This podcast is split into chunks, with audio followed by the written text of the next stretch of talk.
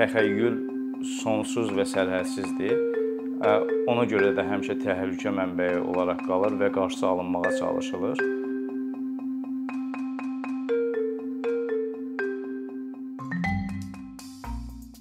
Yaradıcılıq yalnız Allaha məxsusdur ifadəsi tez-tez işlənir. Bunu daha çox yaradıcı şəxslərə qarşı qınaq və ya tənqid olaraq işlədirlər, amma müəyyən anlamda yaradıcı şəxslər yaratmaqla tanrıya çevrilirlər və ya tanrılıq iddiasında olurlar. Yaradıcı sözünün yerinə indi daha çox kreativ sözü işlənir. Amma baxmayaraq ki, eyni anlamdadır. Kreativ sözünü bir rəssama, bir şairə və ya bir musiqiçiyə deyil də, daha çox fotoqrafiya sahəsində, qrafik dizayn sahəsində və ya marketinq sahəsində çalışanlara deyirlər. Amma hər ikisi eyni mənanı verdiyi üçün mən hər ikisini eyni anlamda işlədəcəm. İndi baxaq görək yaradıcılıq nədir? Yaradıcılıq düşün düşünməkdən, düşüncənin istehsalından və reallaşmasından ibarətdir. Yəni ideya istehsalıdır. Ümumiyyətlə yaradıcı prosesi iki hissəyə bölsək, işin ideya tərəfi var, işin texniki tərəfi var. İşin ideya tərəfi yaradıcılıq məhsulu sayılır. Fərqli, yeni, orijinal ideyalar yaradıcı və kreativ məhsul sayılır. İşin texniki tərəfi isə daha çox o işi həyata keçirmək üçün bir alətdir, məhsulu hazırlamaq üçün bir alətdir. Təkrarlanan, kopyalanan işlər yaradıcı iş sayılmır. Çünki hər hansı hazır ideyadan yola çıxılıb, sadəcə texniki üsullarla hazırlanıb məhsul əmələ gəlib, amma o işlərə də yeni orijinallıq, yeni ideya gətirməklə orijinallıq yaratmaqla yaradıcı məhsul əldə etmək olar. İşin texniki tərəfin hamı öyrənə bilər. Hamı foto, video, rəsm çəkə bilər, hamı musiqi ifa eləyə bilər. Düzdür, bu kimdəsə yaxşı alınır, kimdəsə pis alınır. Bu daha çox istedad məsələsidir. Uşaq uşaqlıqdan yaradıcılıqla məşğul olanlar və ya ailələrində yaradıcılıqla məşğul olanlar varsa, bu bu şəxslər daha avantajlı olur digərlərinə nisbətən. Ümumiyyətlə ideya hardan gəlir? Qısa və konkret olaraq deyə bilərəm ki, ideya şur altından gəlir. Deməli biz yaradıcı məhsul istehsal eləmək üçün şuraltımızı üzə çıxartmalıyıq. Şuraltının üzə çıxması üçün ən çox ən geniş yayılmış üsullardan biri brainstorm prosesidir. Yəni brainstorm bizim şuraltımızın xəritəsini üzə çıxardır. Bunu bir növ psixologiyada uşaqlığa qayıtma metodu kimi düşünün. Siz bir əşya haqqında düşünərkən o əşya ilə bağlı şuraltınızda olan bütün informasiyalar və məlumatları üzə çıxardırsınız. Onlar arasında əlaqə qurub yeni ideya ortalığa çıxartmış olursunuz. Yəni brainstorm prosesi tək başına və bir neçə nəfərlə ola bilər. Və burada ən çox edilən səhvlərdən biri odur ki, brainstorm prosesi zamanı ağla gələn bütün ideyalar ortalığa çıxmalıdır. Onların qarşısı heç bir halda limitlənməməlidir. Heç bir baryer olmamalı. Zaten brainstorm prosesinin də məqsədi şuuraltını üzə çıxartmaqdır. Yəni bir əşya haqqında və ya bir hadisə haqqında sizin şuuraltınızda olan bütün informasiyalar ortalığa çıxmalıdır. Məsəl üçün biz qısa animasiya film festivalı üçün poster hazırlayarkən animasiya deyəndə kimisə ağlına gələn zürafə sözü ilə qısa sözünü birləşdirib qısa animasiya film festivalı üçün qısa boylu zürafə vizuallaşdırmışdıq. Yəni ən ağlasığmaz, yəni bir-birinə aidiyyəti olmayan informasiyalar arasında qurulan əlaqə yeni orijinal ideyanı ortalığa çıxardır.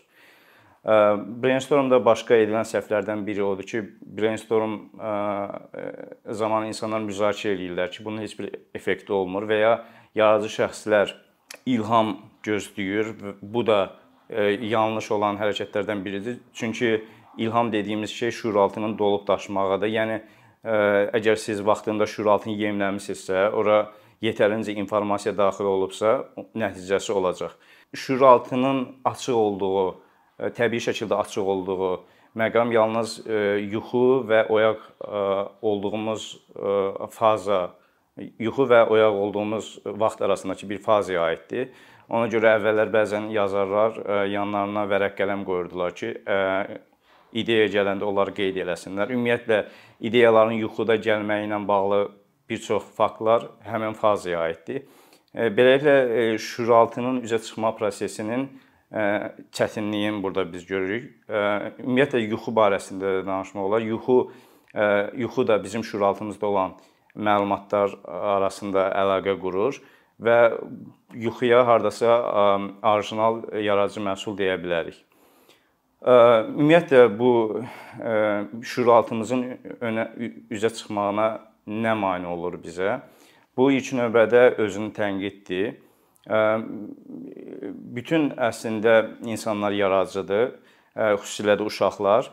Pikassonun dediyi kimi bütün uşaqlar yaradıcıdır. Önəmli olan böyüyərkən yaradıcılığı saxlamaqdır. Yəni lord dillə desək, bəzi adamlar böyüməyib içindəki uşağı saxlaya bilir və ya cəmiyyətdə işlənən uşaq ağlı ilə hərəkət edir ifadəsi mənfi mənada işlənsə də bu əslində yaradıcılığın təməl şərtlərindən biridir. Yəni biz uşaqlar kimi düşünsək yaradıcı düşünə bilərik.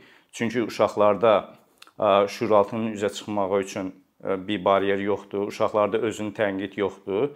Əksinə psixoanalizə getsək, böyüklərdə həmişə idin qarşısında dayanan bir super ego var. Ümumiyyətlə bildiyimiz kimi id ruhu, nəfsi və həzzi hə, həzzə əsaslandığı üçün yaradıcılığın əsas məkanlarından biridir. Əksinə superego vicdan əsaslı olduğu üçün ağlı təmsil eləyir. Bir növ ruhun qarşısında dayanan həmişə bir ağıl var. Yaradıcılıqla məşğul olan şəxslərin əşyalara və ya hadisələrə münasibəti fərqlidir. Fərqlilik də cəmiyyətdə həmişə bir qüsur olaraq görünür. Yəni yaradıcı şəxs yaradıcı şəxsin təxəyyülü bir əşyanı danışdıra bilər və ya onunla danışa bilər və ya onu tərənnüm eləyə bilər. Çünki təxəyyül sonsuz və sərhədsizdir. Ona görə də həmişə təhlükə mənbəyi olaraq qalır və qarşısı alınmağa çalışılır. Təxəyyül yaradıcı insan üçün azadlıqdır. Çoxları fikirləşir ki, yaradıcı işin, yaradıcı məhsulun məqsədi mesaj verməkdir. Yəni məsələn siz bir fotoya, bir videoya, bir rəsm əsərinə baxarkən və ya musiqiyə qulaq asarkən ilk mesaja fokuslanırsınızsa və ya yaradıcı şəxsin özü yaradıcı məhsul istehsal edərkən ilk mesajı nəzərdə tutursa, mesaja fokuslanırsa, burada bir yanlışlıq var. Çünki istənilən yaradıcı məhsulun, xüsusilə də vizual məhsulların məqsədi tamaşaçıda duyğu yaratmaqdır. Yəni mesaj mesaj verilmir, mesaj izləyici tərəfindən alınır. Duyğular vasitəsilə yaradıcı məhsul izləyici ilə bağ qurur, tamaşaçı ilə bağ qurur, nəticədə mesajı al almış olur. Beləliklə yaradıcı işi qiymətləndirərkən burada əsas məsələ duyğudur. Ona görə də biz yaradıcı şəxslərə və ya yaradıcı məhsula duyğu bələdçisi deyə bilərik. Buna və insanların duyğuları, duyğulara münasibəti fərqlidir. Məsəl üçün insanlar müsbət duyğular tərənnüm edən əsərlərə qarşı daha yaxşı fikirdə olurlar. Onlar daha çox bəyənirlər. Əksinə gərginlik, şiddət, qorxu və s. kimi neqativ və mənfi hesab etdiyimiz duyğuları duyğular olan əsərlərə qarşı münasibətləri fərqli olur. Amma bu o əsərlərin pis olduğuna dəlalət eləmir və ya onların təbliğat üçün olduğuna dəlalət eləmir. O sadəcə hər hansı duyğuları insanlara çatdırmaq üçün istifadə olunan alətlərdən biridir. Təbii ki, yaradıcı məhsulların cəmiyyətə təsir gücü böyükdür və zaman-zaman da bu yaradıcı məhsulları propaqanda alətinə çevrilir və ona görə də indi hal-hazırda həssas qrupların maraqlarına mənfi təsir edəcək elementlərin qarşısının alınmağı üçün bir hərəkətlənmə başlayıb. İstər film sayəsində, istər reklam sayəsində, istər media sayəsində həm yaradıcı şəxslərin, həm də multimedia prodüserlərinin qarşısında qoyulan əsas şərtlərdən biri inklüzivlikdir. Son dövrdə baş verən hadisələr onu göstərir ki, gələcəkdə yaradıcı məhsullarda deyək ki, narkotik vasitələrin istifadəsinin qadağan olunması və ya yemək səhmlərində ət yeməklərinin qadağan olunması, ailə-daxili münaqişələrdə şiddətin qadağan olunması və ya qadınların, qara dərililərin baş rolda olması kimi şərtlərin qoyulması qaçılmazdır. Bunun müsbət tərəfi ilə yanaşı mənfi tərəfi də var. Çünki yaradıcı işə müdaxilələr insan təbiətini və insan təbiətini və real hekayələri gizlədir. Belə olan halda yaradıcılığın yaradıcılıq sənəti ümumiyyətlə yaradıcılığı və sənəti sənət cəmiyyət üçündür formasını gətirib çıxardır.